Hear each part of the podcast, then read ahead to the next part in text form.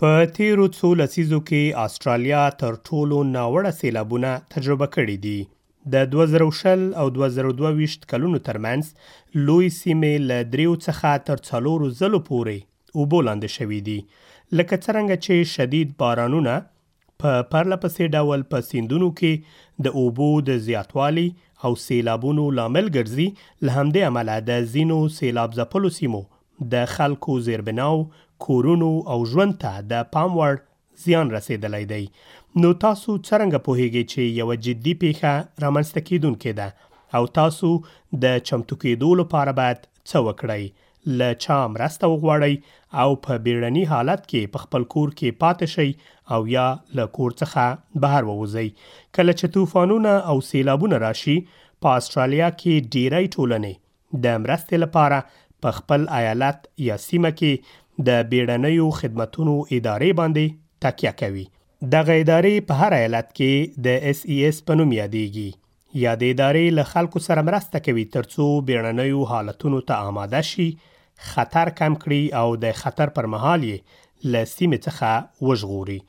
د هر ایالت د بیړنیو خدمتونو په ادارې کې ډیر مسلکي داوطلب خلک کار کوي کریستینا سباتو د نیو ساوت ویلز ایالت د بیړنیو خدمتونو په ادارې کې له تیرو څو کلونو راهیسې کار کوي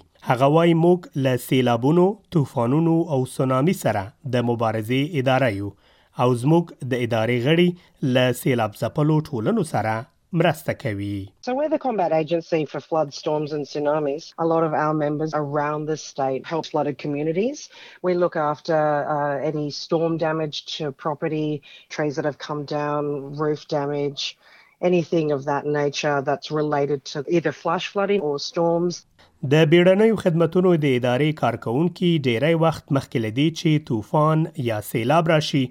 د خلکو دروازې ټکوي او خبرداری ورکوي.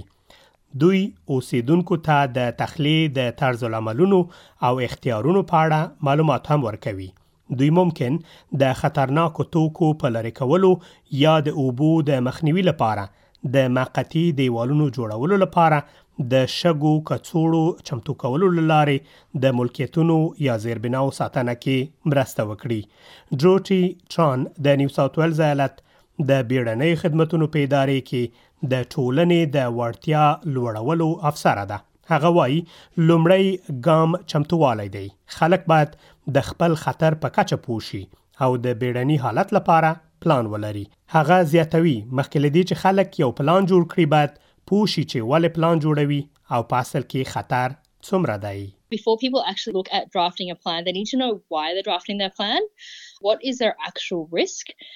Do they know if where they live, work, or visit are areas that could be impacted by storms or floods? Storms can strike anywhere, so always being storm prepared is a very good thing. In terms of floods, if you live near a waterway, a creek, a storm pipe, they need to be mindful in terms of where that water might flow and what it might impact them in terms of either their house or their transit um, and transport day to day from work and home. هغه کسان چې له سیندونو یا د اوبو له لارو سره نږدې ژوند کوي باید د هوا له حالت څخه خبر اوسي. دوی کولای شي د هوا پیژندنې یا د بیړنیو خدمتونو ادارې له اپلیکیشنونو څخه وروستي معلومات ترلاسه کړي. دوی باید چمتو وي ترڅو خپل بیړني پلانونه مخکې له دې چې اوبه راښکته شي پلي کړي.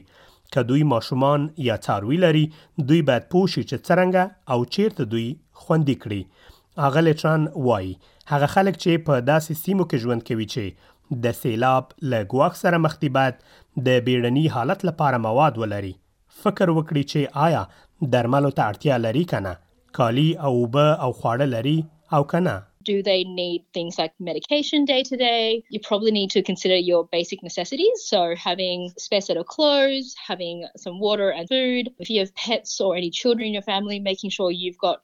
items for them. So, pets probably need things like leashes, carriers, maybe some of their foods and treats. For kids, spare clothes, food for them if required, nappies if it's a baby or toddler, prams, and have something that's comforting as well. It could be treats, toys, or a comfortable blanket to make sure that they also feel safe and comfortable. هغه لټران همدارز وړاندیز کوي ترڅو خلک د بیړنیو خدماتو ادارو شمیرې هم لزان سره ولري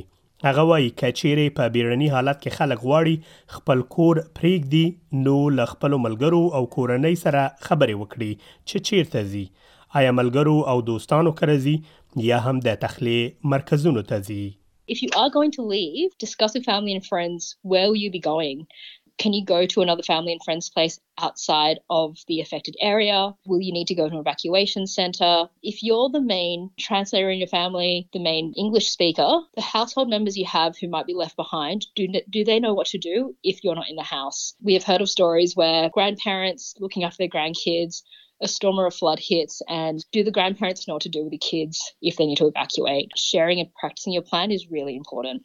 سره له دې چې د بیړنیو خدمتونو ادارې خلکو ته وړاندیز کوي ترڅو په بیړني حالت کې خپل کور پریږدي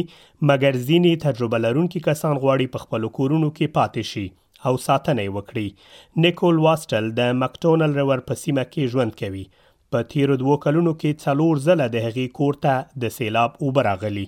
د سیلابونو لپاره تیاری درې څلور ورځې وخت نیسي له همدې امله هغه د استرالیا د هوا پیژندنې ادارې له اپلیکیشن څخه کار اخلي ترڅو څو ورځې مخکې له بارانونو او سیلابونو خبره شي هغه وایي له سیلابونو مخکې هغوی بازار ته ځي او سودا اخلي او د سیلابونو لپاره ټول تیاری نیسي We all go and do a big grocery shop and stock up on all your tin food, all your long life sort of foods.